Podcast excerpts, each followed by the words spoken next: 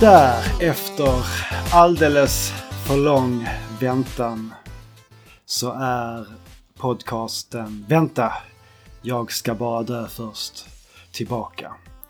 Och eh, det är vi som är mamman som har tillbringat timmar i köket och väntar på att barnen ska bli färdiga med dataspelet. Och det är vi som är pappan som har precis klyftat upp och gjort redo morotsstavarna för att dra igång med käket och sätta sig kring bordet. Det är även vi som är barnen som sitter i soffan och bara måste ha några minuter till innan vi kan sätta oss till bords.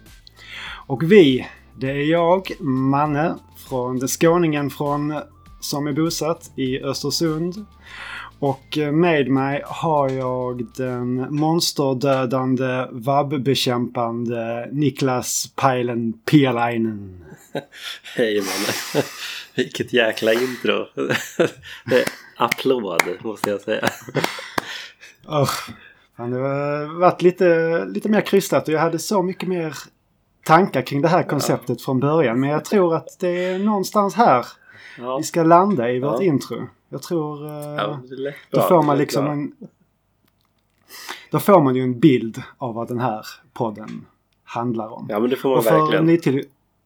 Ja precis. Och för nytillkomna lyssnare så är detta alltså en uh, podd där vi diskuterar matlagning och det, alla dess... Vad ska man säga? Uh, konstformer? Ja, jag, jag, vet inte. ja, konstformer och uh, tillaganden. Ja. Men även då mycket populärkultur och spel i synnerhet. Mm. Våra två största intressen. Kort och gott egentligen. Ja, precis. Det, det är det man gör en podd om. Det är det man vill lyssna på själv liksom. Precis. Och vi spelar in den här podden på uh, Sveriges nationaldag, fettisdagen.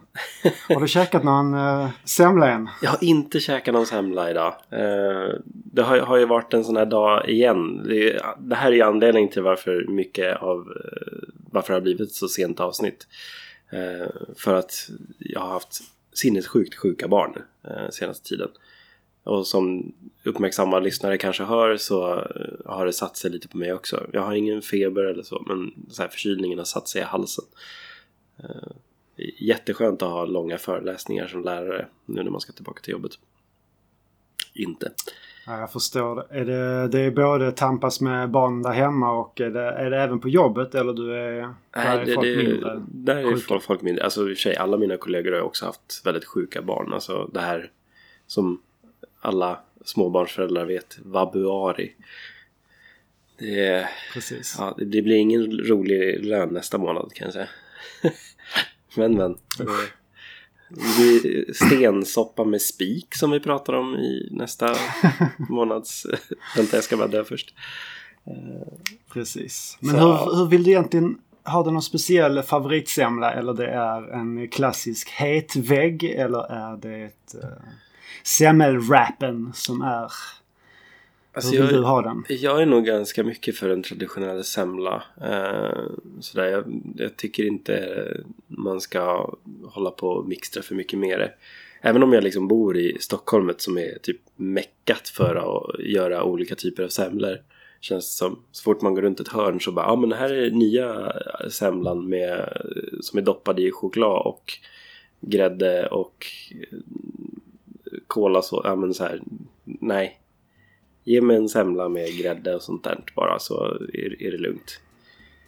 Men sen så, jag vet. Vi har ju den, norr, nor, vi har ju den norrländska klassikern när man tar eh, två skivor eh, falukorv och steker på dem och sen så har man eh, mos, potatismos som man vispar upp och har emellan. Och så istället för mandelmassa så kör man en klick senap i botten.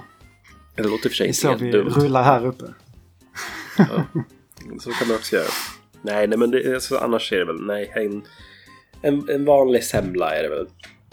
Sen så, så här, gör, gör jag den själv så skippar jag väl oftast kanske mandelmassan. Jag är inte jätteförtjust i mandelmassa. Uh, jag tycker inte att det är Vi har lite Vi har uh, ofrivilligt blivit uh, utan mandelmassa i vårt hem.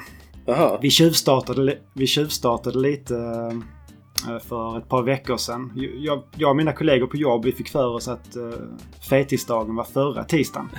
Så då uppschasade jag, eller så här, tog jag upp och snackade med det med Sofia en vecka innan. Och då, ja, men då köper vi semlor redan nu så kan vi njuta av det en vecka. Ja. Och sen så här, vi har mandelmassa i kylen så vi tar det.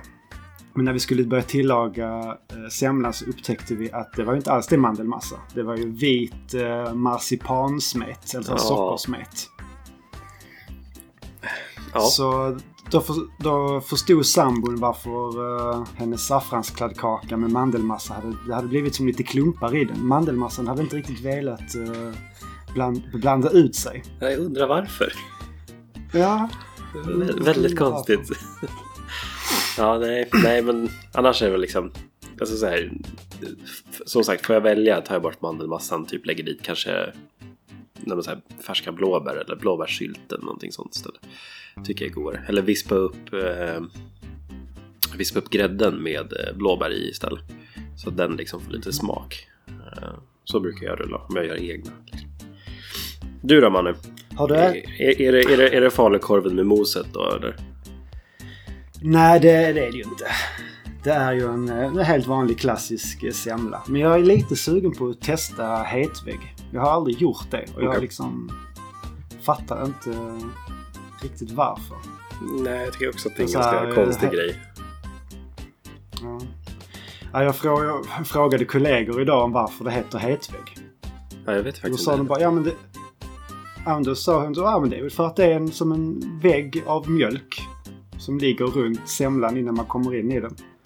Så bara, ja jo det, Ja, jo. det ligger väl någonting i det. Det skulle kunna vara det.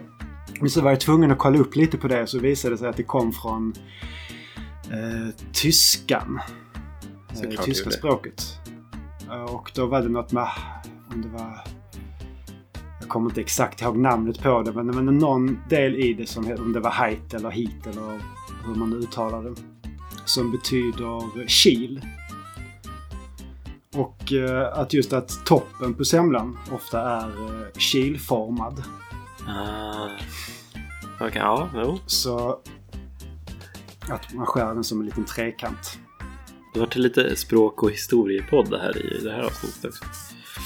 Ja men vet, visst vet du. Ja, nej men så ska det vara. Ja, Framförallt när vi har såna riktiga hög, hög, högtidsdagar. Då måste man ju läsa på och kunna sitt ämne lite grann. Ja. Det är inte så jättemycket du- för dem där. För framförallt är det ju så väldigt smart att så här, ja men nu som jag som bara har glömt bort fetisdagen helt och hållet. Och så här, ja men okej, jag köper en semla imorgon. Då är de 10 kronor billigare. Ja, ja. Det, det, det är alltid jättebra. Det är som att köpa jordgubbar veckan efter midsommar. Ja. Det är så här, en tredjedel av priset på. Guld. Guld. Ja. Semlor, är det, är det enda vi har käkat? Nej, jag har inte käkat något. Har du käkat några semlor idag, idag då?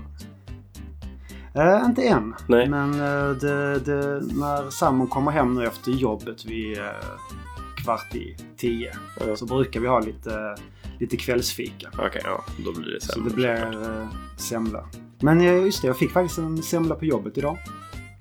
Det har varit eh, alla väldigt glada och nöjda. Så jag Ja. satt ute i en vårsolen och...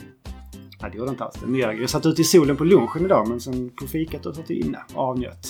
Ni, ni hade Semlan sol alltså? alla andra. Jag skrattade lite idag när jag Ja. satt inne med min yngsta och det snöblandat regn kom idag. Och så här, vad är det som händer? Det är ju vår nu. Snö... Snöblandat regn är väl ändå den värsta typen av regn. Ja, det är det verkligen.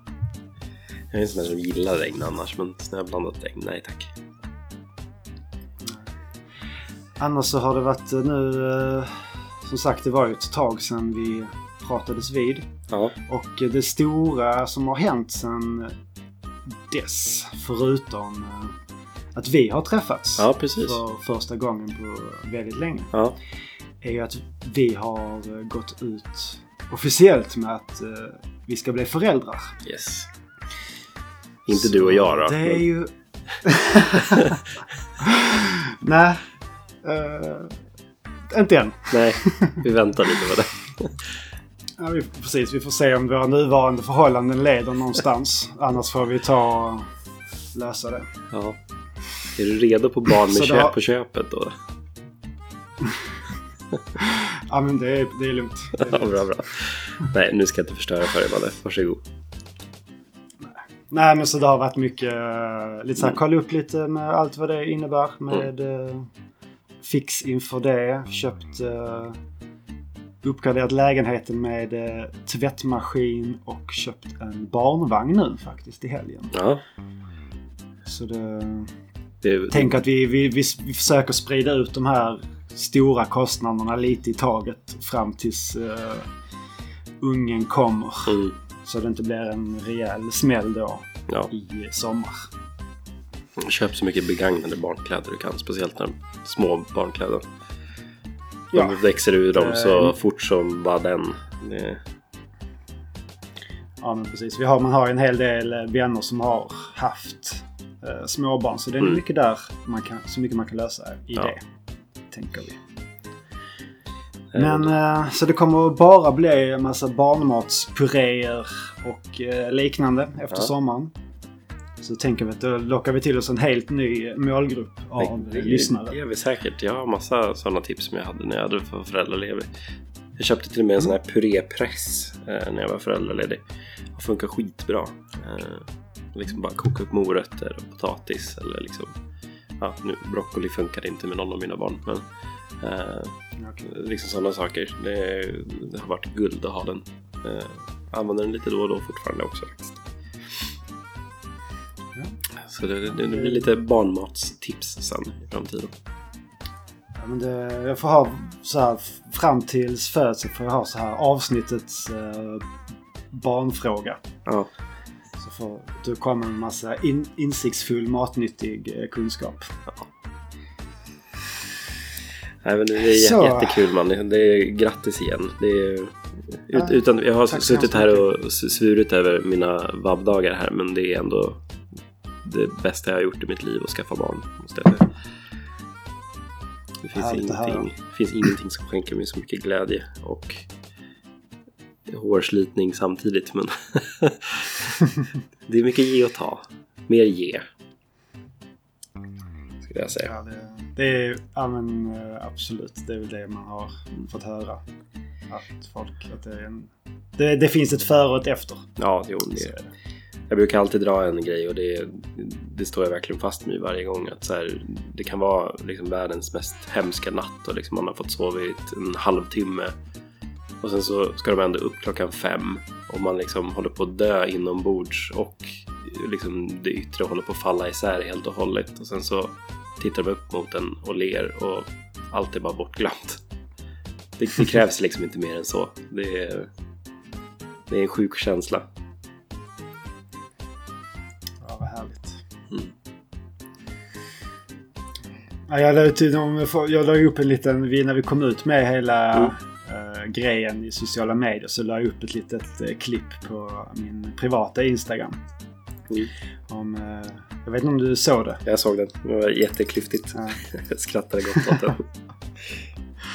Eh, Jag hade alltså tog en eh, film när jag filmade ugnen och skrev så, vad var det, årets recept. Ja, Och sen så filmade jag in i ugnen så hade jag lagt, lagt bilderna från ultraljudet Ja. i en form. Hashtag bulle i ugn. Så det vill man säga det så kan man gå in och kolla på at Ironman på Instagram. Mm. Så jag tyckte jag var väldigt putslustigt av mig. Det tycker jag också. Det var jättekul att se. Men förutom eh, semlor och barn, vad har du mer ätit? Har du ätit någonting gott idag? Eh, idag gjorde jag nog, nog inget jättespännande. Då gjorde jag bara en, eh, en liksom långputtrande bolognese på liksom vegofärs då och eh, kokade upp det med en kantarellfond och vitlök eh, och gjorde en egen liksom, eh, tomatsås eh, till det. Eh, och hade i liksom och bara lät koka i hur länge var det nu? Tre, fyra timmar nästan liksom. Eh, och kokade upp liksom eh, en riklig mängd spaghetti så har vi massa matlådor och allting nu så det, det, var, det vart jättegott. Inget komplicerat, inget jättespännande men det så här funkar när man har varit hemma och vabbat en hel Ja. dag liksom. Och det tog, jag gjorde faktiskt eh, exakt samma sak idag. Jag har gjort en bolognese. Eh, och eh, det måste åter sägas igen att alltså, vill man göra ett enkelt, vad ska man säga, ett enkelt kliv på ett mer vegetariskt eller veganskt eh, ja, mat, matlagning. Så att byta ut all din färs mot anammas eller någon annans Ja. vegofärs. Det är så Ja. himla, sånt himla enkelt val att Mm. göra. Och det, priset är i princip detsamma som färs. Och jag menar innehållsmässigt, men innehållsmässigt när det kommer till protein och liknande så är det också väldigt bra substitut. Ja, nej, men Och- det, det tycker jag också. Kon- konsis- konsistens, ja, konsistensen och känslan av det är... Ja, i, om man inte vet det så känner man inte. Så, Nej, men jag har ju kommit till den punkten att det gjorde jag nog redan förra året. Men alltså, jag kommer inte ens ihåg liksom, hur riktig färs smakar. Utan det blir så här. Ja, men det var ju så här jag kommer ihåg att färs var i alla fall. Eh, så ja. Och sen, alltså, som jag har ju nämnt det många gånger, men anammas tycker jag är helt klart bäst. Det är bäst smak, det är bäst konsistens, det är lättast att jobba med. Den drar åt sig kryddor på rätt sätt. Eh, Sådana där saker. Det är helt klart min favorit. När det kommer till alla produkter. det, är rätt, det är rätt smidigt också för att uh, vanlig färs måste man ju oftast eh, bryna och Mm. försteka innan man kan ha i allting annat. Men detta kan du ha i... eh, antingen har du det i början och steker in det med eh, löken och, Mm. eller svampen och vitlöken och allting. Eller så har du bara i det direkt i slutet när allting Mm. annat är färdigt. För att det är redan tillagat och Mm. supersm- supersmidigt att använda. Mm. Nej men det går jätte, jättefort. Och det, det är jätte, alltså precis som du säger, det är jätteöverkomligt pris egentligen. Är, jag köper de här kilospåsarna liksom och det är ja, typ 60 plus kronor och sådär. Jag tror inte, ja 65 tror jag är det dyraste jag har betalat för en, en kilos påse. Så ja. Nej, men jag- Välkomna jag- till Konsumentrådgivningspodden. Vi försöker inte övertala någon att bli vegetarian men eh, lätt substitut att jobba med. Liksom. Eh, För man behöver inte göra Ja. någonting annat rent, alltså så här, om vi ska göra en bolognese liksom. Det enda jag byter ut är ju ja, men då färsen egentligen. Eh, nu använder jag smör men eh, det går ju lika gärna att använda liksom, kokosfett eller liksom, olja. Om man ska vara så. Eh, för att göra liksom helt veganskt. Ja, precis. Yes. Men eh, om vi går vidare och snackar lite om, eh, du vet det här problemet som både du och jag och så här, väldigt många andra har. Där Mm. man slänger ihop någonting i köket. Och så blir det så fruktansvärt gott. Mm. Och så ska man eh, så frågar en, en kompis eller sin sambo eller barnen eller så här. Ja men eh, hur gjorde du och vad hade du i för någonting? Och redan när det. man sitter där eh, vid matbordet en halvtimme efteråt. Då är det så här, ja, jo jag hade ju de här kryddorna och sen så hade jag nog det här. Och ja, man sitter där och men då, precis då kommer man ihåg det mesta. Man kommer kanske inte ihåg mängderna på allting. Men det Nej. en ganska tydlig bild av vad man gjorde. Så står man där två veckor senare. Åh, nu ska jag laga det som blev så himla bra för två veckor sedan. Och sen så bara... Helt tomt i huvudet. Mm. Nej men det, det har hänt hundra miljontals gånger tror jag. Det händer alldeles, alldeles för ofta. För den- den tanken slog mig i eh, lördags när jag skulle eh, laga lite lunch. Och så hade vi inte jättemycket grejer hemma. Så eh, jag måste vara ändå tvungen att uh, käka något ganska rejält. För jag Mm. skulle ut på en uh, uh, maltfestival här i stan. Mm. Och det är inte en jättebra idé att gå på det på tom mage. Nej. Så då... Men så, ja men jag hade lite... Hade spetskål hade vi hemma som jag eh, här skivade upp och slängde i och stekte på i stekpannan. Så Mm. det fick steka ner sig ordentligt. Och sen hade jag ja, men en, en lök Det, blir, det, blir också, det funkar säkert jättebra ihop. Så jag tänkte att jag skulle göra någon form av pastasås. Ja. Och eh, sen så hade jag även kokosmjölk och sen kryddade jag mycket. Kryddan, största delen av vad ska man säga, smakmäss, smakerna kom från eh, dijonsenap och tomatpuré. Som jag också lät koka in i detta. Mm. Och äh, fan, det blev, ja, det blev så fruktansvärt gott. Det var, och sen så hade jag, hade istället för pasta så hade vi, äh, jag tror det var risnudlar. Mm. Ja, men det, det är legat- jättebra. låtit- Mm, Så, men så lät jag det ligga i blöt 15 minuter innan. För det, ja, enligt anvisningar. Och så hade jag ner det direkt i eh, själva i stekpannan. Så fick det, istället för att koka upp det för sig så fick det koka upp i eh, såsen. Ja. Det är just- risnudlar blir guld med det. Alltså det är ja, bäst.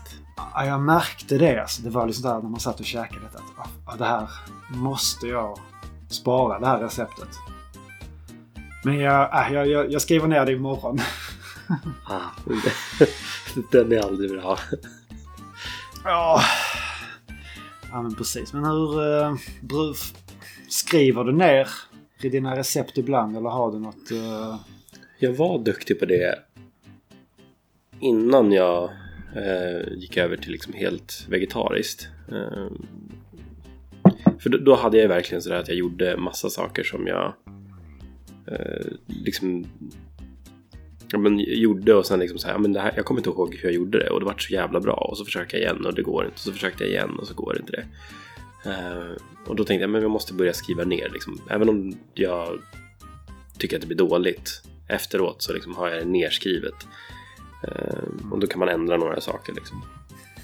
uh, men nu har jag varit väldigt, väldigt dålig på det de senaste två åren måste jag ändå säga. Och det har ju mm egentligen, det har ju inte ändrat på sig. Det har ju varit jättemånga gånger jag har lagat grejer som så här. Ja men det här vart ju skitbra. Hur, hur gjorde jag det? Jag kommer inte ihåg. Det går inte att komma ihåg. Det finns inte kvar. Eller det finns halvt kvar. Och sen så försöker man göra det igen och så går det inte. Det går inte att få till den här. Det är någonting som saknas. Men vad, vad är det som saknas? Precis. Eh, Och det är, ofta är det så att man kommer ihåg liksom eh, 90 procent. ja, Och då är det, vad ska man säga, huvud, de stora grejerna i Ja. Men just det här, det här finliret med vilka kryddor man använde, om man hade något speciellt, vilka, så här, om man hade eh, kantarellfond eller om man hade kycklingfond eller grönsaksfond eller vilk, vilken av de här gröna kryddorna, timjan, rosmarin eller dragon, vad det nu jag hade. Det var så här bara... Mm. Ja... Och var det liksom lite av den det. eller var det blandat med någon annan eller ja, nej. Det är ju svinjobbigt. Vi får, ja, vi, försöker, vi får ge oss lite bakläxa på det. Ja. Försöka skriva ner den magin i eh, köket. Få ner trollformlerna. Jag, vet, jag tror jag dragit det någon gång i den här podden tidigare eller om jag har pratat om det med någon annan. Men det var ju... Det finns ju fortfarande ett recept som gnager mig i bakhuvudet fortfarande. Och det var ju när jag skulle göra enchiladas. Eh, och jag vet att jag provade att ha i eh, Philadelphia-ost i färsblandningen. Eh, innan jag liksom bakade in dem i tortillabröden och liksom slängde in dem i ugnen. Ehm, eh, och jag får inte till det. Jag kommer inte ihåg vad det var jag gjorde så att de vart så jävla saftiga, goda och perfekta. Det är, det är helt bortom mig. Jag vet att det var, har jag försökt flera gånger men liksom var det någonting med kryddorna? Vilka kryddor använde jag?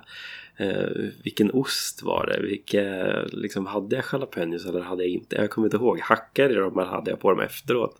Eh, det var så här... Ja, det, det har grämat mig i snart två års tid att få till de där perfekta enchiladasarna som jag gjorde en gång förut. Till och med min sambo har varit så här, men kan du inte bara göra det igen? Jag bara, nej det går inte. Det, det, det, liksom, Ja, jag försöker. det, det går inte. Alla enchiladas sedan två års tillbaka har varit så här, eh, det är okej.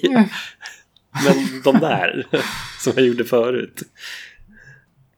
Precis. Ja, är... Men... ehm, där har vi faktiskt en, vi har en liten handskriven eh, kokbok här hemma. Mm. Eller, vi, vi och vi, det är väl framförallt Sofia som har skrivit ner allt i den. Mm. Även om en del av eh, recepten är mina så är det så här. Mycket om man får, typ om man har lagat någonting hemma hos, eller en kompis har bjudit på någonting. Så skriver ner det och skriver då ja men Annas saffranskaka Mm. kaka, eller eh, ja, någon annans dijon-gratäng. Mm. Jada jada. Så då, då får man ändå nästintill tillbaks den här eh, eh, det man sökte. Men Sen så visst man, sen så är det väl alltid där att jag tycker att även om man kan göra, följer ett recept från punkt till pricka en gång till en annan så kan det ändå skilja sig. Mm. Ja men det, det, det gör det ju. Det, är ju alltså det blir det. Jag, jag har ju väldigt svårt att följa recept punkt till pricka också. Vi har ju så här. Ja men det där är ju, behöver jag inte. Eller det där tycker jag inte om sådär. Eller ja, men jag tycker att det ska vara mer av det där. Det, det, och- eller så tittar jag aldrig på ja, men en tesked spiskummin. Jag bara vadå en tesked? Nu tar vi så här mycket liksom. Det är som Per Morberg när han lagar i köket. Liksom. Jag bara slänger överallt. Lite så. Ja, vi märkte ju det när vi lagade maten tillsammans på eh, Ja. när vi sågs. Det var ju det var väldigt mycket skjuta från höften. Ja, vi gjorde ganska Det mycket var- samma. Det var väldigt roligt att se. Det, det blir- vad det blir. Och sen så slänger man i lite mer av någonting eller så balanserar man ut det efteråt. Liksom. Det, det Precis. går jättebra. Avsmakning, god vänner. Ja, det det är. A och O i Mm. matlagning. Jag kan bli, men ibland så händer det att man har lagat någonting som man har lagat eh, hundra gånger. Och sen så ställer man bara fram det på bordet utan att ha smakat av det. Så bara, Vad hände? eh, just, just det. Eh, men sen så, sen så det, det blir ju oftast bra. Ja. Men det är ändå så här, just det, jag skulle ju kanske ha kollat av det här lite. Ja, nej, det, det, det, är, det är en konst i sig, matlagning. Det, det har vi väl konstaterat en och annan gång i den här podden redan känns det som. Men fan så roligt det är att hitta på nytt och göra sånt där. Sen så kan det vara jobbigt också när man inte får till de där jävla enchiladasarna som man vill ha. Det är ju tjusningen med det. Ja, att det, det smakar lite annorlunda varje gång. Ja, Men Ja. sen om vi... Sen så tänkte jag lite på här, på just det här med att man har ju alltid vissa speciella ingredienser Mm. hemma. Och någonting som jag alltid har eh, i min, mitt, mitt skafferi eller i min frys. Det är ju bönor och linser. Mm. Det finns ju alltid till eh, förbannelse här hemma. Mm. Och det... ja, Jag tycker det är, alltså det är ett s- svinbra grej att alltid ha. det är det verkligen. Överst. Det, för att man kan, det kan, man kan dryga ut pastasåser eller bologneser eller man kan göra biffar av det. Är det. Beroende på vilken typ av bönor man har så är det ju, man har ju lite olika karaktärer Mm. på dem. Menar, vill man ha någonting som är lite mjukare och inte så mycket tuggmotstånd så tycker jag det funkar det väldigt bra med kidneybönor eller kikärtor som Ja. är lite, lite mjöligare och lite, lite softare. Men vill man ha någonting med lite mer eh, tuggmotstånd så är ju svarta bönor eller black eyed peas jättebra. För att få lite mer tugg. Mm. Det, ja, det finns alltid här hemma. Mm. Det, fram- framförallt så om man drar, ner på köttet och sådär och vill ha för det är ju väldigt... Alltså om man jämför med många andra grönsaker så är det ju en betydligt högre mängd protein i detta. Ja, men det är det ju Det- verkligen. Det är ju det, är det där att man ska lära sig liksom, ja, men hur, hur tillagar man bönor? Alltså, för många är det ju liksom så här. Okej, jag har en, ett paket bönor här eller jag har lite bönor. Jag slänger i dem i grytan eller så har jag dem bara platt på tallriken. Och det är inte jättegott. Men liksom ja, men kan, kan man göra någonting med det? Som du säger, liksom, gör man biffar eller drygar man ut den här bolognesen eller liksom gör man en hel eh, liksom inom citationstecken färsrätt med bara linser. Liksom en lasagne med linser och bönor. Alltså det, det blir kanongott liksom. Ja, verkligen. Det, Eller om man gör en som en sås. Till, bara så här, gör en hummus på kikärtor. Ja. Det är också helt, ja, det är helt fantastiskt. fantastiskt gott. Det, ja, men det går att göra väldigt, väldigt mycket. Eh, och det, där, där är jag med dig också. Alltså just här bönor och linser. Eh, speciellt linser. Har vi alltid hemma. Det, och det är liksom billigt. Det är lättlagat. Det går att göra hur mycket som helst med. Eh, så så det, det är vi väldigt eh, noga med att ha hemma hela tiden. För det går alltid att hitta på något kul. visst, ja, vi, har, vi har, brukar ofta ha linser men framförallt eh, det är ju lite mer att det ska kokas upp ofta. Eh, man har dem ofta i ska, torkad form. Ja, precis. Tycker, det, tar, det tar lite mer så här lite mer tid. Det är lite mer förberedelse med det. Medans, ja. Jag tycker det, det är lite, lite så här, det går lite snabbare Ja, om man har bönor eller jo det gör det ju. så. Eh, Baljväxter, det är fantastiskt. Det är underbart. Det är underbart. Men samtidigt att, att, att äta kokta, alltså bara kikärtor i, eh, från förpackningen. Det är ju inte gott. Nej, det är inte gott. Det är jätteäckligt. Ja, det är det verkligen. Det håller jag med om. Så man kan ju förstå folk som inte, alltså så här, om man har smakat på det så bara för att se om man tycker om det. Ja. Nej, då tycker man inte om det. Nej. Men Ja, det, det är ju sådana här saker var- som behövs vara till någonting eller ja, men då tillagat. För att det ska vara ätbart, vad jag säga. Men, ja, men det ska, att det ska vara gott. Liksom.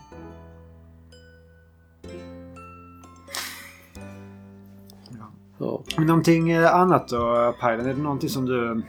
Som alltid finns hemma? Eh, Ja, alltså- kök, kök, matväg som kanske inte är... Kanske som alla... Ja, som precis. ha i- Salt och peppar har ju alla hemma liksom. ja, men Eh, precis. Ja men, så här, nu borde vi väl typ få spons snart känner jag. Men alltså Liquid Smoke. Mm, jo. Den, den måste finnas hemma. Eh, även om jag försöker dra ner på det. Eh, men annars är det väl alltså så här. eh, jag är ju väldigt mycket för eh, liksom så här chili och liksom starka rätter. Så att liksom utöver liksom bara chilipulver så har jag chili flakes. Jag har oftast liksom chipotle chili eller ancho chili. Eh, alltså liksom sådana pulverbaserade kryddor. Eh, spiskummin är jätteviktigt för mig känner jag. Även om jag inte gör kanske en rätt helt baserat på spiskummin. Så brukar jag ha lite i för jag tycker att det ger väldigt bra smak. Um, jag är väldigt mycket för persilja också. Och liksom sådana saker. Persilja. eh, jag har liksom basilika har jag alltid också. Ehm, Är det torkat eller är Ja, det färskt? torkat. Om jag inte gör någon, vet du, om jag ska liksom göra någon pastarätt eller någon sådär riktigt typ så här one pot pasta grejer brukar jag göra ibland. Då brukar jag alltid ha färsk basilika till exempel. Ehm, och så. Ehm, men annars liksom alltid, alltid liksom en burk torkad eh, av liksom de här vanliga liksom ärtorna och så här. Tycker jag är ehm, ett måste nästan, i alla fall för min matlagning. Även om jag inte liksom har extremt mycket av någonting så ja, men en skvätt liksom basilika eller lite persilja i liksom det egen eh, gjorda moset. Det sätter liksom den här lilla pricken över iten då tycker jag. Eh, det ger det här lilla extra. Mm. Så ja, nej men det, det, det är väl det tror jag. Ehm, det är så mycket chilis och sådana saker. Cayennepeppar. Mm. Ehm. Det tycker jag att just cayenne är... Det är svårt att dosera tycker jag. ja, den är jättesvår att dosera. Det, det är Den- så den tar över som fan. Liten... Ja, det räcker oftast med lite, lite. Ja. Och det, det kan vara så svårt för många andra kryddor så behöver man ha ganska rejält för att det ska sätta någon smak. Ja, Mm. Just uh, cayenne, den är den, den är lurig jävel. tricky bastard. Paprikapulver, nu när jag tänker efter, vill jag alltid ha. En stor också. Använda mycket. Jag har liksom, dragit ner lite på eh, paprikapulvret. Jag hade också det väldigt mycket innan. Ja, Men jag har nästan helt eh, slutat med paprikapulvret. Mm. Jag tror vi, kö- vi köpte en... ehm, den tyckte jag var fruktansvärt god. En smoked paprika. ja den den har jag använt Ja. väldigt mycket också. Den är Ja, det smakar underbar. precis som uh, eh, biochips. Mm. Jag vet precis vad du menar. bacon. Ja. eh, Ja. Vet du vad som är roligt med de där baconchipsen? Det är de enda veganska Ja, det var- chipsen på bio. Ja, ja, såklart. För de andra är sour cream and onion. Då Ja, är det precis. Men, ja, precis. Ja.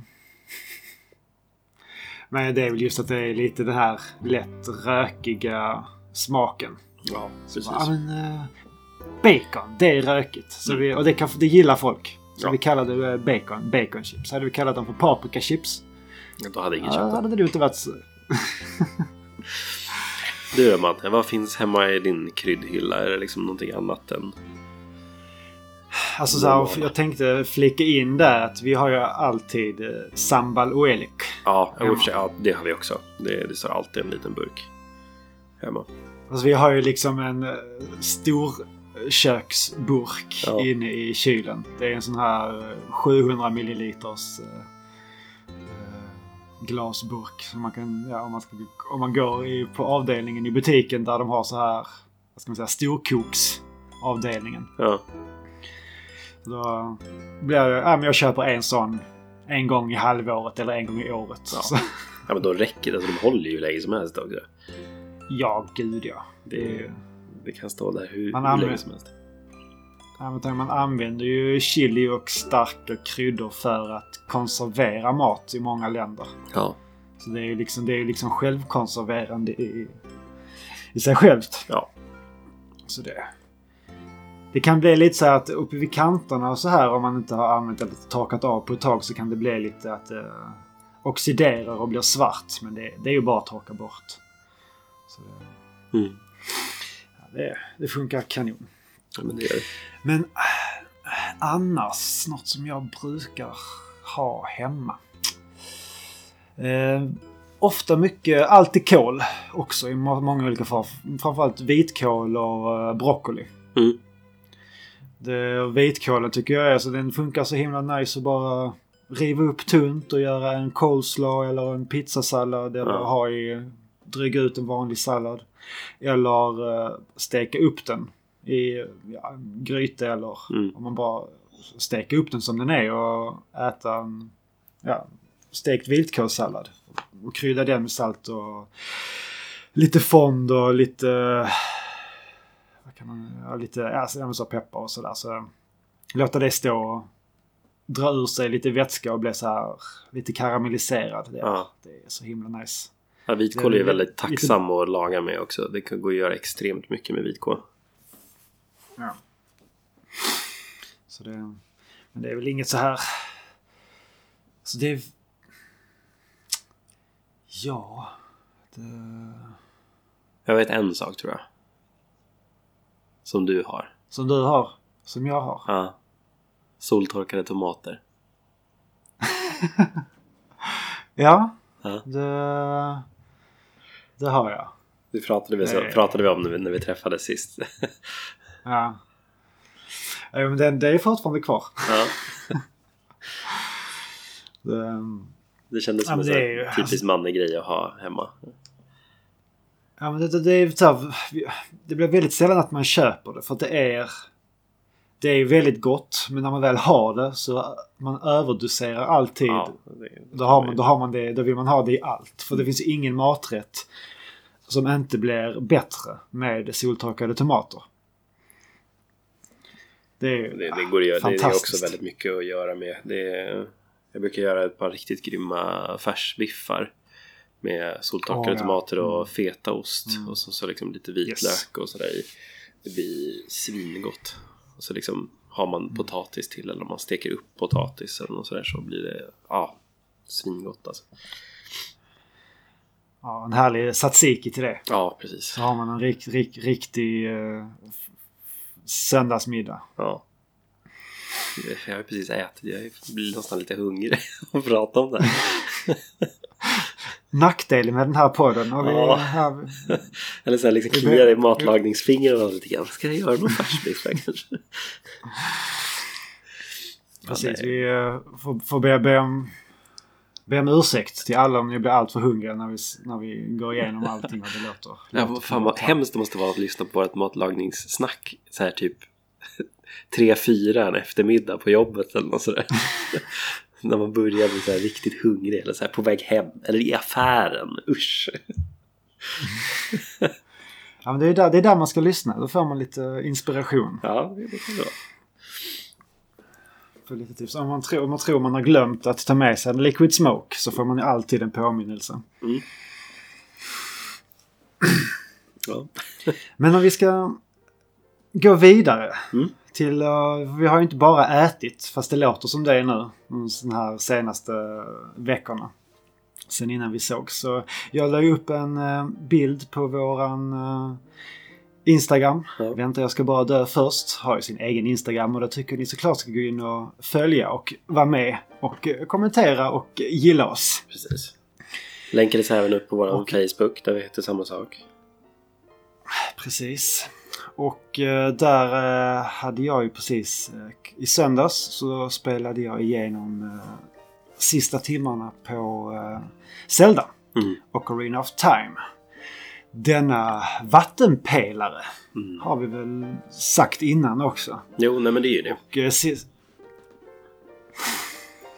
och eh, jag ville gå in i... eh, Alltså vad ska man säga? Så... Blint kan jag inte absolut inte säga att jag gick in i det för. Jag har ju hört och sett från spelet. Men även jag har sett, vad ska man säga, recensioner och det är ju med i, Alltså om man pratar topplistor på Nintendo 64 är den ju alltid med. Ja, det gud, går ja. ju inte att ha, det, ha en... Men även på mångas eh, egna topp 5-listor eller vad, vad vi, världens bästa spel så... Om den inte är med så är den i alla fall omnämnd på, på något sätt. ja, men Det känns tror, det alltså också att det blir lite sådär... Den kom ju precis i rätt tid för de som är i typ våran ålder också. Eh, det var ju liksom här någonstans där man kanske började spela eller precis hade liksom upptäckt att spel kunde vara ja, men kanske lite större än bara det här lilla hobbyn man hade. Alltså, det var ju också en av de första liksom, riktigt stora 3D-spelen. Det var ju den här första wow-känslan man hade som barn nästan när man spelade Ocarina of Time. Så det, det är ju en väldigt betydelsefull titel för många eh, på det sättet. Många också som missade Super Nintendo helt och hållet egentligen. Ja men verkligen. Och jag tänkte att vi ska... För jag, la även upp, upp en fråga på vår Instagram där Mm. jag undrade vad folk hade, eh, hade för egna tankar kring spelet. Och eh, om vi läser de eh, kommentarerna här så var det eh, Spela med David. Han skrev att han, han har mycket varma minnen av det från barndomen. Då jag spelade närmast religi- religiöst. Har även spelat igenom det ett par gånger under senare år. Men det är säkert 6-7 år sedan sist. Men håller det av mina absoluta favoritspel. Alla tider. Och sen självklart på grund av rosa fluffiga retroglasögon. Mm. Och eh, senare så har vi Ebberts farsa. Jag spelade ett lite hos min polare när det kom. Men klarade aldrig då jag inte ägde det själv. Påbörjade en genomspelning på 3DS för några år sedan men kom av mig av okänd anledning. Tycker dock att det, den remaken var skitbra. Har funderat på att ta mig an det igen. Ehm, och Marcus Lassus. Och han skriver att han, när Ocarina of Time kom var jag lite för liten att spela det själv men jag tittade mycket när min storebror spelade. Min egen erfarenhet kommer främst från GameCube-releasen tillsammans med Master Quest. Har mycket goda minnen från det men det är nog 10-12 år sedan sist så ri- risken finns att det är nostalgin som talar. Och där, alltså, genomgående av de här kommentarerna är ju att man spelade det när det kom. Mm. Och det är väl... Och att man har lite det här... Om du, det är precis som du också har. Det här rosa, skimmande, nostalgiska... Alltså, alltså där att det väcker de här barndomsminnena till liv. Jo men så är det verkligen. Alltså, alltså jag kan ju sticka under stolen med att säga att alltså, det är ju en av mina favoritspel. Det är ju ett spel som har betytt väldigt mycket för mig genom liksom hela mitt liv. Det är en av de största anledningarna till varför jag har en Triforce tatuerad på min arm. Mm. Men Såklart. liksom är det ett bra spel idag? Jag, jag, jag vet inte. Alltså för mig är det ju det. Men det är ju också just precis som många skriver här. Till exempel den första kommentaren du läste upp. Alltså det är ju på grund av de här stora rosa glasögonen. Och liksom det rosa skimret jag ser liksom när jag startar upp den här titelskärmen. Och liksom Link kommer ridande på Epona och liksom stegrar och man hör den här låten. Liksom att få börja i liksom, eh, den här lilla hyddan när Navi väcker Alltså det är så här, jag ryser när jag tänker på det. Men det är för att det betydde så mycket för mig i min barndom det här spelet. Eh, Jag fick nu, nu när du sa det här om just introsekvensen och uh, man får höra musiken och man ser det här myset. ja, Jag fick, jag fick, jag fick ju också en liten välbehagsrysning. liten, liten. ja, Och det... Alltså det, det har ju fruktansvärt många kvaliteter. det har det ju. Det har det. Och det så, men att som många säger att spelet är trasigt, det håller jag absolut inte med om. Jag tycker det är ett eh, väldigt bra spel, även om det är nog det... Det är det 3D-Zeldat som jag har haft absolut svårast med. Mm. Jag, och många gånger vet jag inte vad jag ska göra eller vart jag ska ta vägen. Och eh, man får hintar. Men det är så här, hintarna är så vaga. Och det är så här, jo men det fattar jag redan. Mm. Det är liksom inte det. Är inte det. Och det, är- ja, det är mycket, alltså det är mycket kryptiska grejer i det. Och det är samtidigt, man kan inte bli irriterad för det heller. För det har ju alla Zelda-spel dragits med. Att man kommer till eh, ställen att man måste, man måste vända på varenda sten och slå på varenda träd för att hitta. Men samtidigt, jag tänkte på det här lite grann. eh, Här för, ja, det var nu veckan tror jag, eller förra veckan. Eh, Jag har ju spelat igenom Link's Awakening här nu till Switch med min son. Eh, Vi, spelar ett gäng spel ihop ibland, liksom så här turas om och hålla kontrollen och sådär. Eh, Eh, och efter vi var klara med det så ville han prova ett annat Zelda-spel. Då tänkte jag att ja, men vi börjar med Link to the Past. Eh, och liksom så här, för det här är, det här är pappas favorit. Så här, det här är det bästa Zelda-spelet som finns. Eh, och då tänkte jag liksom så här, mycket liksom på, men just så här, Ocarina of Time. Det ska han nog få testa liksom på min 3DS sen tänkte jag. Och jag tänkte att men Link to the Past är så bra för att skulle han liksom springa vilse i det någonstans så är det väldigt lätt att dra upp kartan och så ser man liksom den blinkande medaljen där i början. De här tre medaljerna man ska hitta innan man ska eh, dra upp mästersvärdet liksom. Och så står det ett på första medaljen och två på andra medaljen och tre på andra medaljen. Och de blinkar på världskartan. Men sen tänkte jag liksom, Ocarina of Time har ju ingenting av det. Precis som du säger. Liksom öppnar man världskartan så då står ju inte nästa tempel och blinkar liksom. Ja. Men det, alltså tar man upp världskartan så det, är det, det gör det faktiskt. Att det blinkar Gör det det? till de områden. Ja, det gör det faktiskt. I de allra flesta fall. Jaha. Men sen så, sen så är det, men det är även, det var under jättelång tid som det stod och blinkade på världskartan i eh, Kakariko Village. Ja. Så var det som en trekant som pekade ner där. Okej, då är det någonting jag ska göra här. Och så kom jag dit så var det så okej, det här finns ingenting jag kan göra. Som jag... Och det kändes som, men varför blinkar det här? Det måste vara någonting ganska väsentligt. Som jag måste göra. Alltså så visade det sig då att jag- det är då jag ska göra det andra uppdraget med hon med eh, hönorna. Jaha. Som, som är, är att okej, man har fått en höna för jättelänge sedan. Mm. Och den, ska, den ska man då använda i eh, framtiden för att väcka en eh, bundlurk som ligger och bara sover. Ja. Och efter det så ska man komma tillbaks med hönan till henne.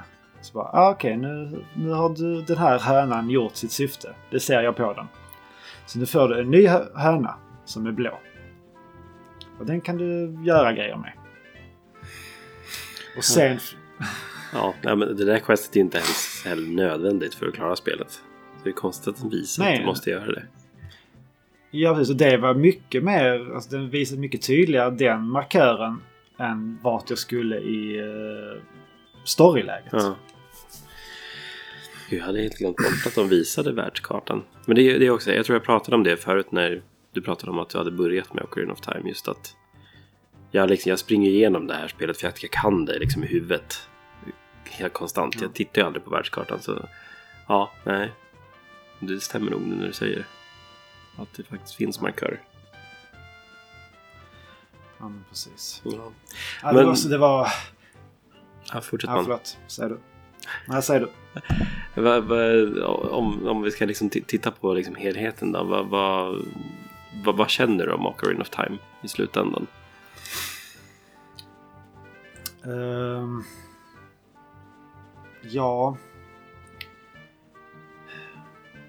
Väldigt blandat. Ja, Det är, alltså, om, jag, om jag hade fått ta ut den här storyn som är ja, Ocarina of Time och uppbyggnaden av den och konceptet med eh, tidsresorna och sätta det i... Eh, ja men säg att sätta det i Breath of the Wild-motorn. ja, Och för, för man har ett förfinat eh, strids och menysystem och allt vad det innebär. ja, Då hade jag nog tyckt att detta var... eh, ja, the alltså shit. här, 10 av 10. Ja, Men alltså det, det dras ner så mycket av att kontrollen är nästan jättebra. Men den är samtidigt lite dålig. Alltså det finns liksom, Det det det finns implement i, Det finns liksom saker där som är bara, ja men så här, som funkar kanon.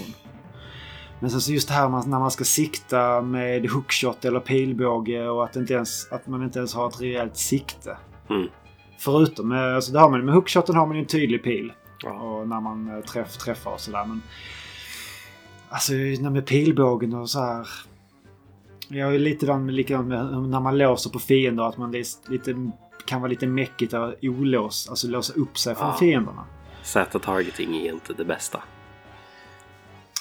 Nej men det funkar ju. Mm, det gör det, men ja.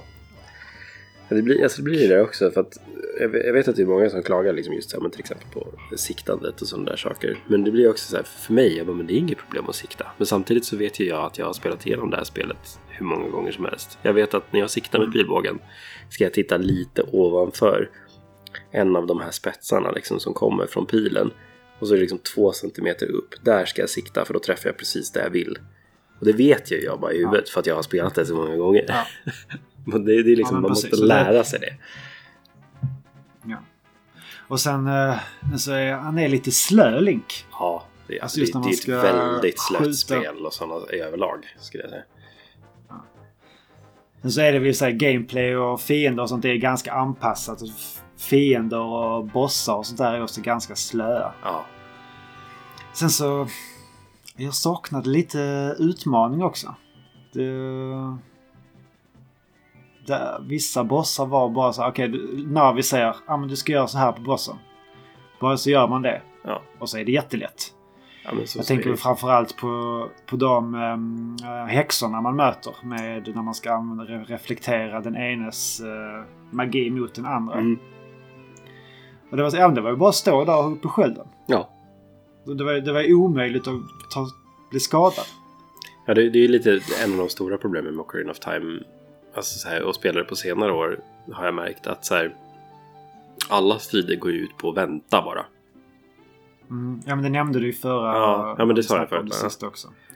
För det, det är ju en jävligt dålig mekanik egentligen. Alltså, det, det är ju en ball setpiece liksom när man för upp den här liksom iskraften i skölden och liksom ska liksom slänga iväg den på så. Men att bara stå och vänta. Det är, det är inte roligt egentligen. Ja, jag, vet att jag hade... Jag mötte Shadowlink. Mm. Vilket också är en, allt, alltid en uh, häftig grej att Mm. göra. Men det var ju skitsvårt. att Ja. liksom få till, ett, få till ett slag och så komma runt och... Så det var till slut så märkte jag okej, men jag får in ett slag ibland när jag bara står och slår. Så då, ja, men då står jag jag och slår och så ibland står och slår. Och sen till, till, till slut så klarade jag det för att jag hade mer liv. Ja. Men det var så, jag kände att jag hade liksom inget så här... Ingen skill eller någonting överhuvudtaget. Ja. Sen så kollade vi upp lite så här eh, någon fack och hur man ska göra. Mm. Ja, men du ska använda dig av eh, dina, vad heter de här Giko, vad heter de, seedsen. Mm. Så bara, jaha, det är det ingen som har visat mig att jag har inte använt dem på hela spelet. Nej. Och det är ingen som förklarar för mig att hur de funkar eller vad man ska använda dem till. Jag, jag tror också Och det finns generellt det, sett så är det så... det knepet att man kan använda... Jag tror i och för sig att man måste ha Big Goron Sword. Eh, alltså liksom det stora tvåhandsvärdet som man kan få via det här eh, sidequestet då Mm. i spelet. Ja. Om man står med ryggen vänd mot Shadow Link och gör liksom det här över, liksom över, över huvudslaget liksom, så börjar man så långt bakifrån att man träffar honom varje gång när man gör det. det, det är också ett sätt Okej. att klara Ja. Shadow Link. Ja, det borde jag ha förstått. N- nej, det, det är bara för sådana som mig som är dumma i huvudet.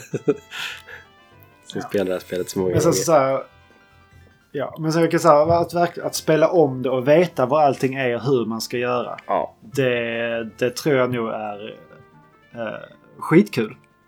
Men eh, jag tror aldrig att jag kommer att spela det här spelet igen. nej.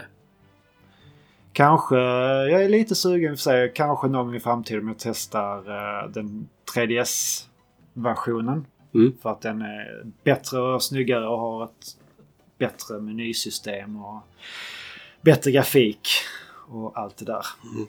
Så Annars kanske det, men eh, tänka dig så att det är ett ypperligt tillfälle att spela igenom det igen om eh, din avkomma tycker att det blir kul med tv-spel. mm, då ska jag ge dem ett spel som jag inte tycker jättebra menar du? Ah, Okej. Åh, men det här, det här har Utbildnings- pappa plågat sig igenom. Utbildningssyfte. Så här var det förr i tiden. Ja, precis. Jag har, jag har härdats, så ska du också härdas. Då kanske det är bättre att spela typ Link to the Past eller något. Kanske. Eller Breath of the Wild. Ja. Eh, vi sa ju bra Zelda-spel. Ooh, jag sa det. No you didn't. Yes I did. Okej, det, det, det är kanske inte ett jättebra eh, Zelda-spel. Nej, Men det är ett jävligt bra spel. mm, det är det. Det kan jag hålla med om. Det, Ja, vi ska inte gå in i den diskussionen, då kommer vi sitta här en timme till. Gud vad mycket, Men, vad mycket eh, jag har pratat om det spelet. Med folk online. ja. Du har skrik, skrikit om det spelet. Nej, jag vet inte. Jag är ganska fast i mina åsikter. Sen förstår jag att folk ser en tjusning med det. det Ja, om man säger det. Alla spel är inte för alla. Nej. Så är det. Om man ska vara så diplomatisk. Mm. Men eh, vill, vill man uppleva hur... eh, Ja. Hur eh, 3D-Zelda ser ut i sin eh, vagga. Så är det väl här ett... Ja. Som sagt, storyn och... Där finns väldigt mycket kvaliteter. Mm. Men det är lite...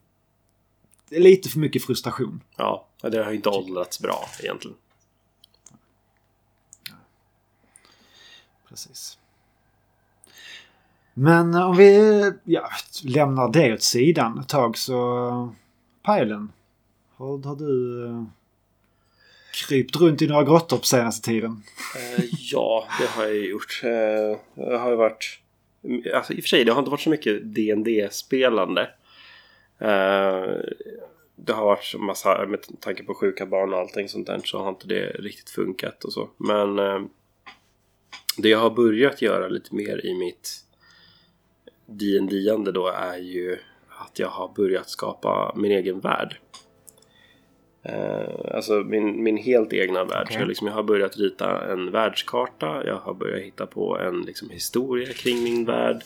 Jag har liksom börjat hitta inspirationer till liksom, vilka typer av monster det ska finnas. Jag har, jag har då skapat en av kontinenterna. Jag tänker liksom ritat upp den på ett ungefär sätt som jag vill ha. Eh, Jag har skapat liksom huvudstaden för den kontinenten.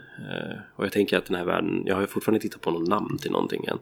Det är, så, det är fortfarande väldigt mycket i min vagga sådär. Men mycket av det är liksom så här mörk, skitig fantasy setting. Alltså tänk typ Witcher. Eh, om du har sett serien eller spelat spelen, jag vet inte vad det är. Eh, det har jag inte gjort. Nej. Men jag har en bild av eh, ungefär. Ja men det, det är så här har man, riktigt... det, det, det, mörk, skitig fantasy liksom. Ja. Um, sådär, så jag, så jag har hittat lite grejer liksom, som ska hjälpa mig att skapa den världen. Jag har hittat en person som har ägnat ett år av sitt liv av att göra en egen liksom, Dungeons Dragons bok som han har online då. Så jag har allting som är pdf sparat på mina eh, molntjänster överallt. Där liksom han har gjort om monster då från Witcher och sånt där och gett dem stats utifrån eh, en liksom eh, dd setting då. Eh, så att man kan använda liksom monster från The Witcher och sånt där i en dd värld Jag bara hittade den här och bara åh det här är så perfekt för min värld. Så den har jag nersparad. Ehm, och liksom då hittat på lite backstory då kring den här världen och sånt där. Så, lite av det jag hittat på hittills är just att det har varit så här i den här världens vagga innan liksom alla kontinenterna har satt sig där de är förr i tiden så har eh, liksom världen blivit skapad av titanerna. De här titanerna sen vart liksom alldeles för giriga och började då göra uppror mot gudarna. Varpå det vart liksom ett krig mellan de här titanerna och gudarna. Så tänk typ lite grekisk mytologi. Ja men precis, grekisk uh, skapelseberättelse. Precis. Där. Och alla de här titanerna då har ju olika typer av liksom eh, ja, men, element kring sig. Liksom. Det fanns en eh, jordtitan och det fanns en vattentitan och liksom det där. Eh, och de gick inte vinnande ur det här kriget. Så att det ligger kvar massiva liksom, kroppar av de här titanerna på olika ställen i världen. Liksom med gigantiska svärd istoppade i sig som liksom ligger över en hel eh, liksom, klippavsats uppe på liksom, något snöigt berg någonstans. Och eh, i och med att de här har blivit slaktade då så har liksom deras kraft utsläppts eh, i världen och skapat ett helt annat materiellt plan.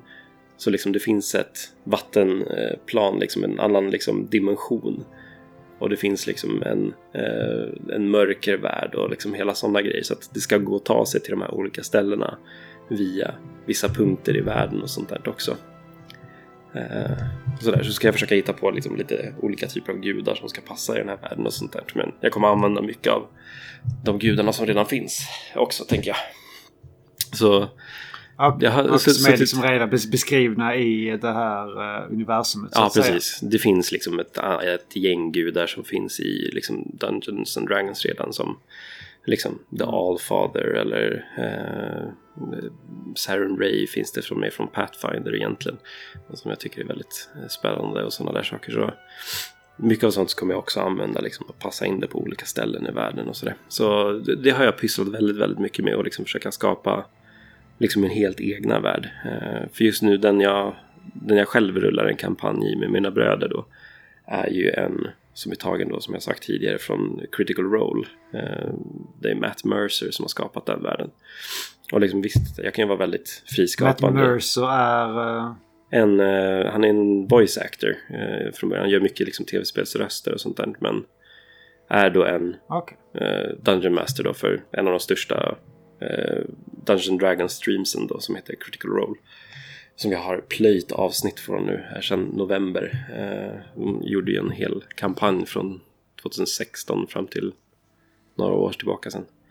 Så jag, jag att, de har, att de har streamat det? Ja, precis. De har streamat det. Så det finns på, liksom, det är bara att söka Critical Role. Eh, och så har de ju två kampanjer uppe. Så jag har följt hela kampanj 1 nu som är liksom ett x antal år gammal. Men jag ligger nu, jag har två avsnitt kvar eh, av kampanj 1. Sen kan jag börja på kampanj 2. Och det är, jag ligger på avsnitt 113 nu av 115. Eh, och de är så här 4-5 timmar långa allihopa de här. Så jag började räkna på det att jag har fläsk. spenderat ganska mycket tid på att lyssna och titta på Critical Role sen i november. Eh, det blir mycket Dungeons and Dragons helt enkelt. Men är det någonting som funkar att ha på bara som en podcast ja, ungefär? Precis. Att ha det i bakgrunden? Eller? De har ju YouTube-filmer och sånt där.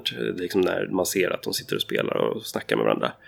Eh, ibland så brukar jag ha på det liksom. Det, jag har inte kollat på särskilt mycket serier på senaste tiden. Jag tycker inte att det är så spännande med det som finns. Eh, så jag har mest plöjt det. Så när jag sitter hemma en kväll så kan jag sitta och titta på en sån liksom. Eller ja, men när jag diskar eller lagar maten och då lyssnar jag på podcasten istället. Så jag skiftar väldigt mycket mellan liksom, videostreamsen och podcasten då, som finns. Men det funkar ypperligt att ha båda två. Eh, jag gillar att titta på just videoklippen också för att jag känner att jag får liksom mer inlevelse i det och jag lär mig väldigt mycket av just Matt Mercer då. Hur han tänker när han demar och hur han beskriver och ja, men, hur, hur han agerar när han ska spela monster eller andra Eh, liksom, karaktärer och sånt där. Det är jättegivande för mig som DM också känner jag. Men ja, det har blivit väldigt mycket. Eh, och det, det är riktigt, riktigt kul att verkligen få sätta sig in och verkligen skapa sin egen värld också. Jag känner verkligen att jag har väldigt mycket frihet när det kommer till att göra olika saker. Liksom att, ja men, ja men ska jag använda Mats värld då till exempel som jag gör nu så finns det ju liksom redan städer och så. Eh, och då blir det så här, men jag kan inte rucka på det riktigt. Det, det finns ju här på världskartan som redan är färdig. Men liksom, om jag ska använda min egen värld och mina spelare, ja men vi vill gå norr, ja det finns ett träsk där och så skriver jag till det liksom. Det, det är ingen som vet det. Det är min egen värld liksom. Jag kan hitta på vad fan jag vill. Ja, precis. Eh, så det är ju jävligt skönt på det sättet. Eh, men, och det är väldigt kul att liksom fläska på den här. Jag sitter lite varje vecka och kommer på nya grejer. Sitter och så här scrollar konceptbilder på så här fantasy art i, på Instagram ibland också och bara får sprängfyllts med massa olika idéer. Så jag har massa så här bilder sparade i min telefon nu som jag sitter och så här tittar emellan och så bara, ah, men det här kan jag ha här och den kan vara där och sådana saker. Ja, men precis. Men det är just för att få eh, upp, upp, vad ska, uppslag till koncept i hur man vill skriva ner det och berätta Precis. hur saker och ting ser ut och hur det är Precis. och sådär. Men det är det där, liksom, det, det är som sagt, det ligger fortfarande väldigt mycket i liksom sin vagga här så det är långt ifrån klart, tänker jag. Eh, men eh, ja, nej men det är skit, skitkul att hålla på med. Det är det verkligen. Det ska bli kul att få liksom när man har en helt färdig världskarta och liksom visa upp. Framförallt kanske hitta på ett namn till den här världen. det har jag inte gjort än. Nej, nej. Kanske ha någon, det kan, kan man säkert be om li, lite hjälp Ja, precis. från eh, lyssnare kanske. Ja. Har, har ni några Tips? eh, grymma namnförslag så är jag all ears. Det är bara att skriva in till oss någonstans. Alla, alla länkar står ju i beskrivningen så det är bara att tycka. Ja, eh, du då Manne, har du, har du spelat något mer? Ja, jag gjorde en liten, vad ska man säga? Uh, lite inköp på, eh, från Switchen. Ja. Deras market och hittade, hittade ett spel där som jag har varit lite sugen på. Under, eh, som jag såg att fan det här, det här ser roligt ut. Och varit lite gått i tankarna om att spela det vid något tillfälle. Då är det Mm. så här att det är helt, helt och hållet en eh, co-op upplevelse. Mm. Och det, eller man kan spela det själv också men det är gjort för att spela i co-op. Ja, och då ska det spelas det- i co-op. Ja, precis. Och eh, spelet heter 39 Days to Mars. Är det någonting du känner igen? Känner inte igen faktiskt. Nej. Det är så att man spelar två stycken äventyrare. Brittiska... Grit, grittis, brittiska... Vad ska man säga? Upptäcktsresande aristokrater från eh, så här, senare delen av 1800-talet. Okej. Och de har, de har gjort någon form av upptäckt eh, och hur man ska göra för att uh, bege sig till, lyckas ta sig till Mars på eh, 39 dagar. Och eh, det är väldigt enkelt ritat. Hela, Aha, Jag sitter och tittar på konceptbilder nu. Hela den grafiska stilen är si- sidskrollande. Det ser lite så här... Jag ska bakgrundsfärgen till allting är lite så här, man tänker gulnat pergamentfärgat. Ja. Och sen är allting väldigt rudimentärt ritat i svartvitt egentligen. Och så springer man runt på, man börjar på jorden och så ska man hitta kart, man ska börja med att pussla upp kartan bland annat. Och då är det så att man kommer upp en bild på en karta så är det massa en sönderklippt karta där allting är huller om buller. Ja. Och så ska vi sätta ihop kartan. Men det är inte som att en, en kan inte ta en bit och rotera på den och flytta på den. Utan då får du styra din pekare. Så då, då, då går man bort från det här sidskrollande vyn. Utan då, ser man, då har vi bara våra markörer. Och då får en ta tag i kartbiten. Och så får den andra också ta tag i kartbiten och rotera den. Och sen så ska det man redan svårt. Den. Ja men det är så här, det är väldigt basala uppdrag man ska göra. Hade man gjort allting själv då hade det varit så här, ja men här finns ingen utmaning i detta. Nej, det, det handlar om samarbetet i, liksom. Mm, ja men precis. Och sen eh, när man då får ihop kartan och det är så här klippa och klistra. Sen är det färdigt. Så det är inget, inga problem alls. Och sen så är det något, okej okay, vi måste hitta nyckeln så vi kommer ut ur vårt hus. Och så får man som en, eh, en vajer som styrs över vad ska jag säga, olika typer av hinder mm. som man ska undvika. Och så längs den här vajern så hänger ett snöre med en krok. Så ska man ta sig över och komma in och få tag i nyckeln. Och så det är en som styr eh, längden på kroken och en som åker fram och tillbaks. Så det är liksom, och så är det saker som rör på sig som man ska undvika. Så det är så här, okej okay, men du, nu måste du ta upp, nej, ta ner, och ta hit. Och det är liksom att man måste hela spelet igenom. Så sitter man verkligen och man måste kommunicera. Det går inte att köra detta, vad ska man säga, att man sitter tysta eller att man sitter var, var för sig på olika platser. Ja. Och Visst, det går väl om man har ett eh, samtal under tiden. Men det bygger liksom på att man sitter bredvid varandra och hjälps åt hela tiden. Och även om alla pussel är väldigt enkla så får man få aldrig en beskrivning hur man ska lösa pusslet. Utan det är så att okej, okay, nu är det jag som gör den här delen. Och du gör den andra delen. Mm. Man, man kan inte sitta själv och lösa det.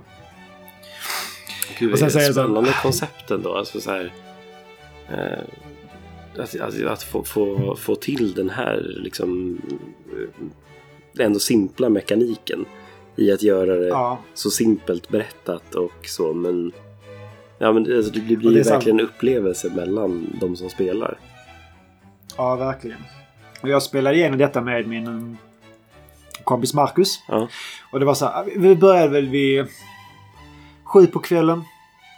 Och sen var vi färdiga uh, två och en halv timme senare. Två, två och en halv timme senare. Och det var ju inte så att vi bara sprang igenom det. Men alltså, det mesta gick liksom, det gick ganska smärtfritt. Okay. Men sen så när man, när man väl har kommit upp på den här, typ, det är en zeppelinare man tar till Mars såklart. ja.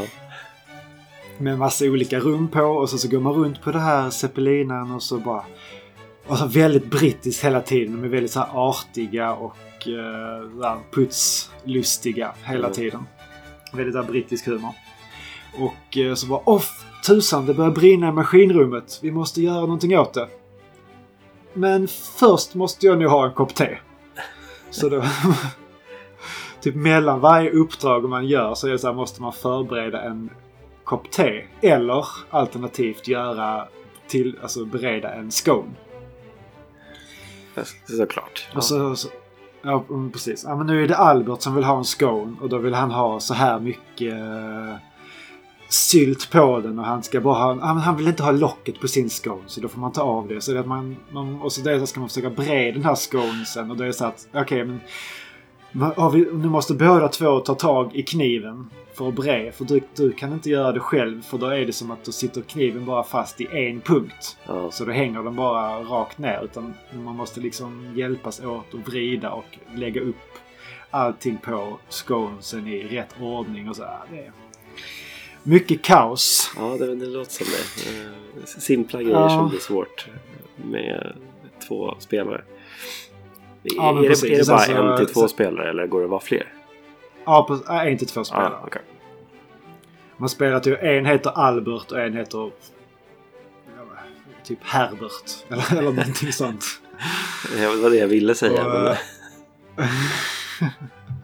men... men vad ska jag säga att sen så när, sen hade jag min bror på besök nu i helgen. Mm.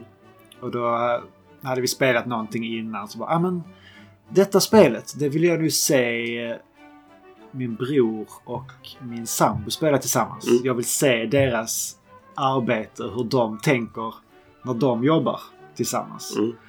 Och då fick jag liksom, de löste problemen på ett, Vissa grejer var ju typ exakt samma sätt. Men på de vissa saker som jag och Marcus klarade galant. Mm. Det hade de lite mer problem med och fattade inte riktigt hur de skulle lösa. Och sen när de väl löste det så gjorde de det på ett annat sätt. Ja, men vad kul att det finns fler Så- sätt att lösa sakerna på också.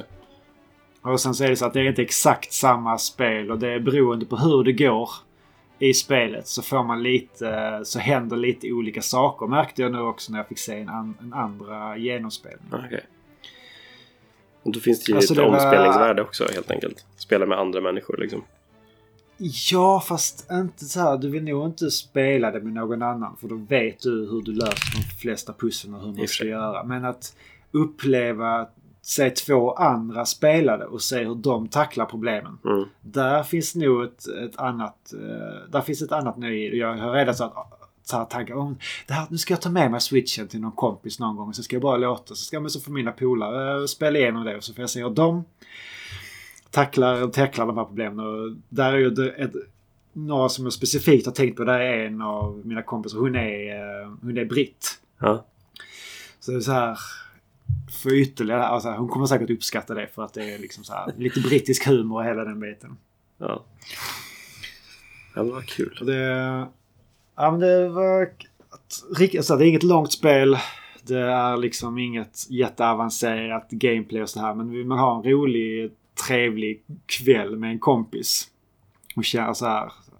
Ja, göra någonting tillsammans. Ja, det, ja, det var skitkul. Vi hade, man log hela tiden. Ja.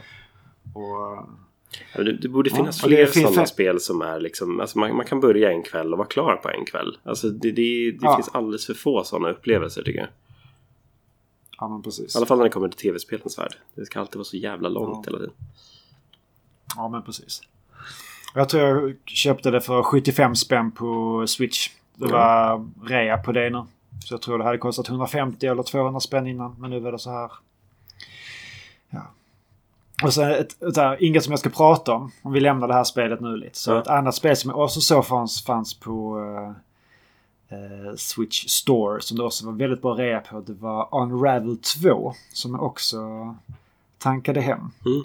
Och det har jag hört väldigt mycket gott om just det här med co-op spelen och där. Och började spela lite grann och det. Har du spelat det någonting? Nej, jag har faktiskt inte spelat eh, första heller. Jag har missat båda de spelen helt och hållet.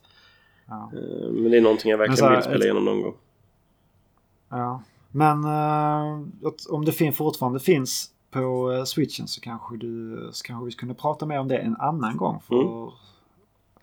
Det kostar bara 75 spänn också nu. Då kan det Så, vara helt klart värt du- att titta på. Ja. Så gör det. Mm. Men... eh, hur känner du Pajlen?